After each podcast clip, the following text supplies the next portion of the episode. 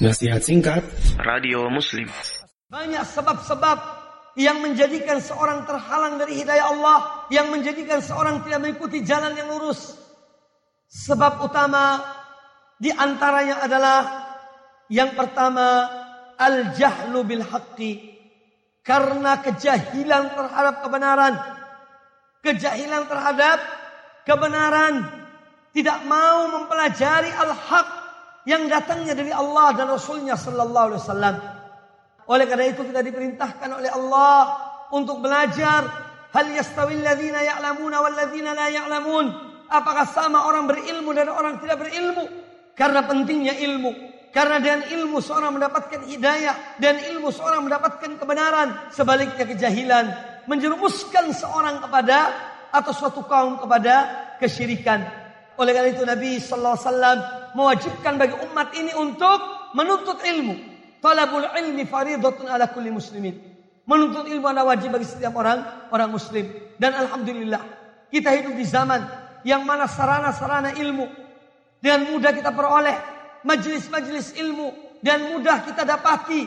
Oleh karena itu tidak ada alasan bagi seorang untuk mengatakan bahwa dia tidak tahu, bahwa dia tidak mau belajar, bahwa dia tidak mengenal ilmu karena semua itu telah dibentangkan oleh Allah Taala dan berbagai uh, dan berbagai sarana yang itu merupakan nikmat Allah kepada orang yang menggunakannya dengan sebaik-baiknya.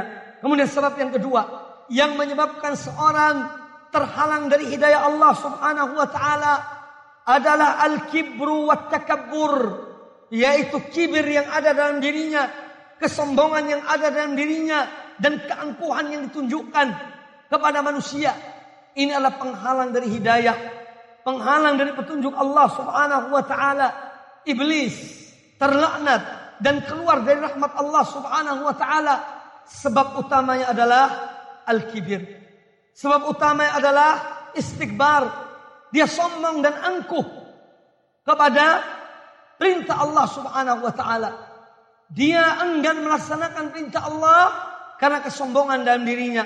Oleh karena itu, An-Nabi alaihissalatu wassalam ya dalam hadisnya beliau mengancam orang-orang yang kibir, orang-orang yang sombong, orang-orang yang angkuh.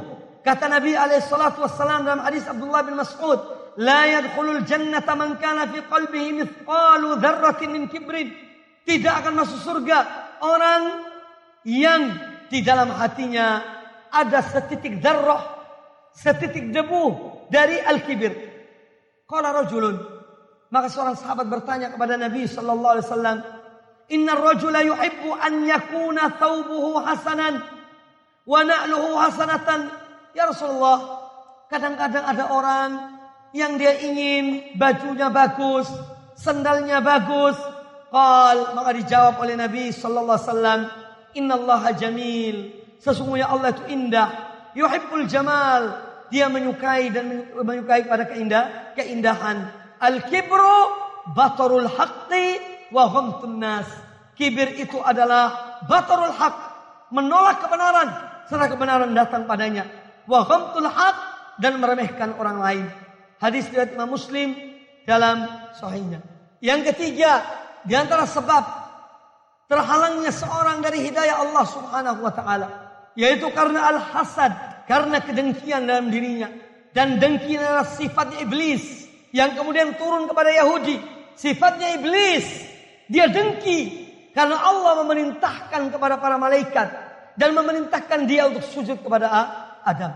Untuk menghormati Adam alaihissalam yang Allah ciptakan dengan kedua tangannya. Maka hasadlah dirinya, dengkilah dirinya terhadap kemuliaan yang Allah berikan kepada kepada Adam maka dia ingin untuk menghilangkan nikmat yang Allah berikan kepada Adam tersebut. Dan ini adalah hasad, dengki yang paling jelek.